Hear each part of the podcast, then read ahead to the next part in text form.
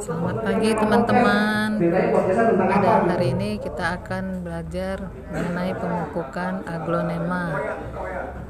Hal pertama yang bisa membuat aglonema cepat besar dan subur adalah dengan memberikan pupuk daun secara rutin. Nah, pupuk daun diberikan bukan setiap hari loh, tapi bisa secara berkala tiga hari sekali atau setiap minggu. Nah, pupuknya, jenis pupuknya kamu bisa gunakan gandasil atau gromor. Nah, uh, dicoba ya teman-teman. Terima kasih.